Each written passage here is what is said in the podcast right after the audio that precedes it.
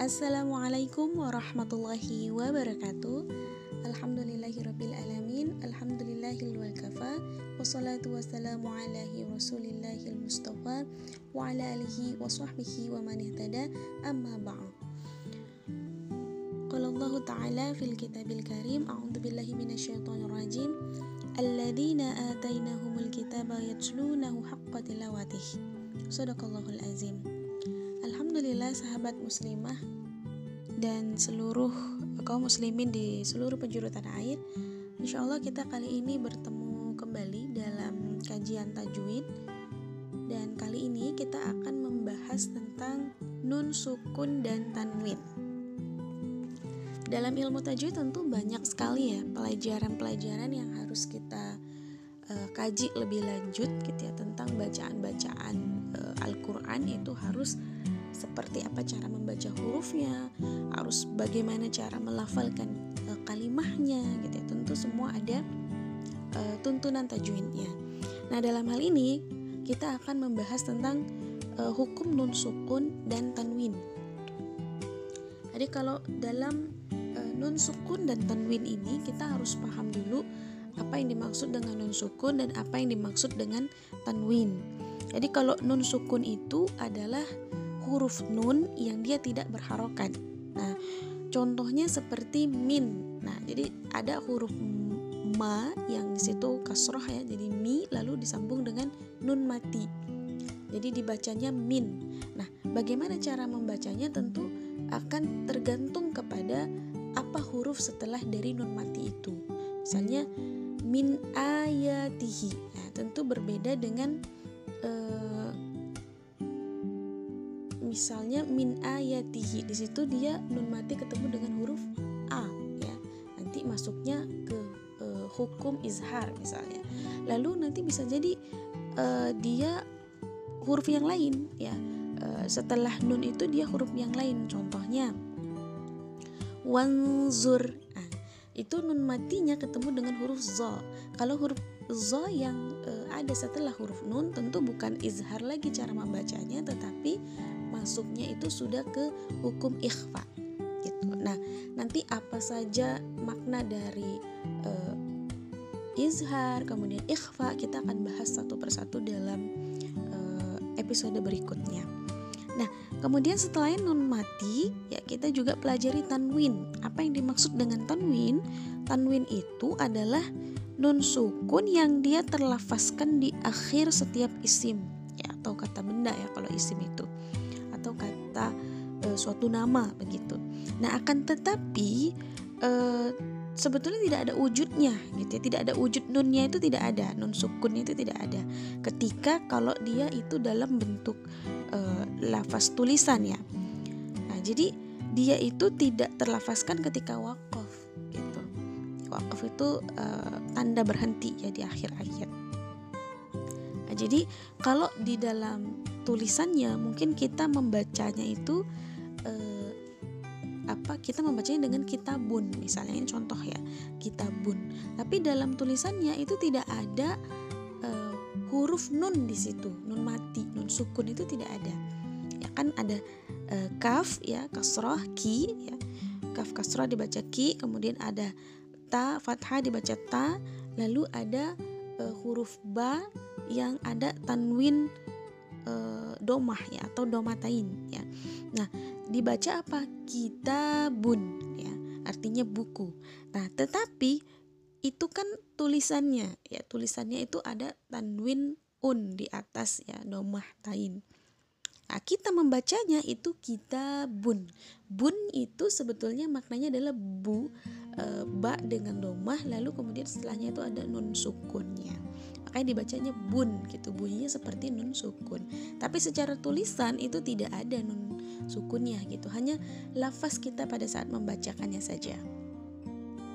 Nah untuk tanwin ini tandanya itu ada tiga ya. Yang pertama adalah tanda fathah ta, e, fathah dengan tanwin. Maka kita sering menyebutnya dengan fathatain contohnya apa? Contohnya itu e, khairan. Ya kalau khairan itu di akhir hurufnya itu ro itu ber, uh, dia harokatnya itu fathah tapi ada dua. Ya jadi fathahnya garisnya dua. Makanya kita sebut dengan fathatain karena fathah dan tanwin. Nah yang kedua itu ada domah atau domatain ya.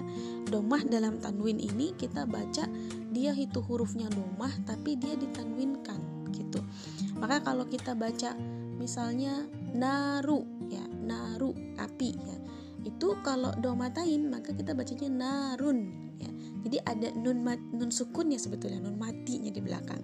Tapi secara tulisan tidak ada ya. Kita hanya membacanya saja yang seperti ada nun sukunnya. Nah, kemudian contoh yang ketiga, tanda yang ketiga itu adalah kasroh dan tanwin. Kasroh dan tanwin ini kita sebut dengan kasroh tain. Jadi ketika ada huruf yang dia itu sebetulnya tandanya kasroh, tapi dia juga tanwin. Contohnya apa? Ghasiqin. Nah, jadi dia dibacanya tanwin tapi kasroh ya, kasroh tain. Nah dari sini insya Allah kita jadi lebih jelas ya cara membaca nun sukun dan tanwin ya. Walaupun mungkin bagi anak-anak ya atau kita muslimah ya atau kaum muslimin di seluruh uh, penjuru ya itu kemudian sudah terbiasa membaca Al-Quran dengan baik itu insya Allah tahu ya apa itu yang dimaksud dengan nun sukun apa yang dimaksud dengan tanwin. Tapi kenapa kita perlu mempelajari ini di awal ya sebelum kita belajar tentang hukum-hukum uh, tajwid yang lebih rinci lagi ya kita perlu bahas dulu apa itu nun sukun dan apa itu tanwin karena dari hukum nun sukun dan tanwin ini nanti akan lahir ada empat hukum tajwid. Yang pertama itu izhar, yang kedua idgham, yang ketiga iqlab dan yang keempat adalah ikhfa. Nah, nanti insya Allah akan kita bahas dalam episode berikutnya apa itu izhar, apa itu idgham, apa itu iqlab dan apa itu ikhfa. Nah, penutup dari episode kali ini, insya Allah kita akan bisa membedakan apa itu nun sukun dan apa itu tanwin. Yang pertama yang kita harus tahu, nun sukun itu bisa terletak di tengah kata atau di akhir kata. Tapi kalau tanwin itu hanya terjadi pada akhir kata saja. Contohnya seperti tadi, ghasiqin. Jadi dia di akhir kata. Narun di akhir kata.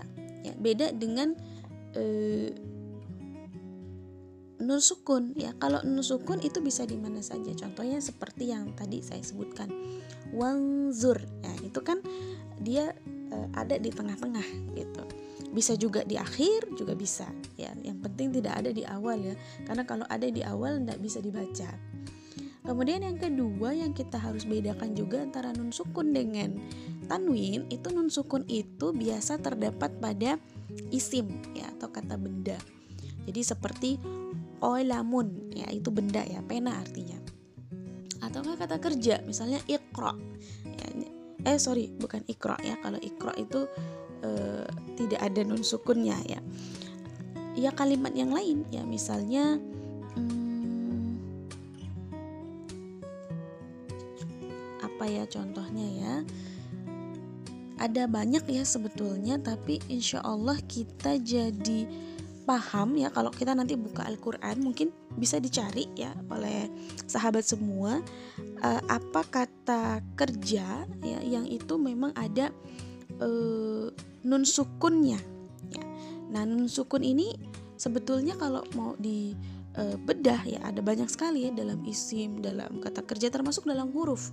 Nah, kalau huruf ini dia seperti kata bantu ya. Contohnya seperti lan ya. Nah, itu ada uh, ada non sukun yang di belakang gitu.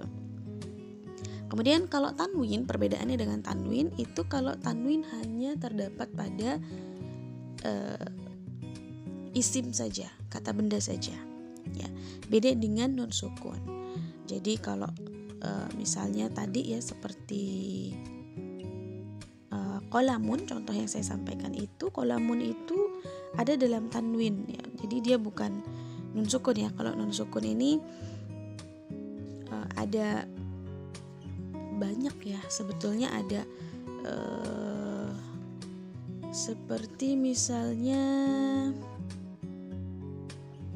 yubayyin. Nah ataukah misal ya kita cari di dalam Al-Qur'an kalau kita lihat itu ada kalimah fatanfa'ah. Nah, di sini ada fatanfa'ah, tanfa'ah. Ya, ini uh, kata kerja ya.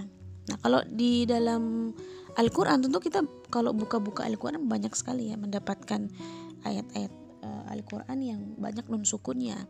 Contoh lain misalnya fal yanzur. Ya, nah itu juga ada nun sukun di situ antara ya ketemu dengan nun sukun ketemu dengan zo. Atau fa'ambatna ya.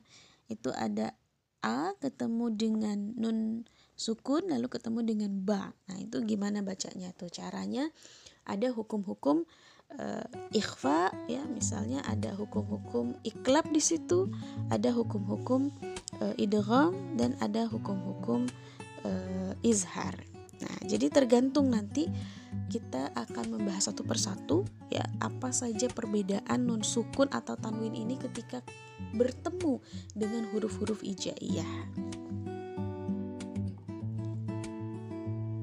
Insya Allah itu pembahasan kita yang pertama terkait dengan nun sukun dan tanwin dan ke depan kita akan lebih membahas lebih lanjut lagi terkait hukum-hukum tajwid yang lebih rinci lagi. Insya Allah semoga bermanfaat. Wallahu a'lam bishawab. Ihdinas siratal mustaqim. Wassalamualaikum warahmatullahi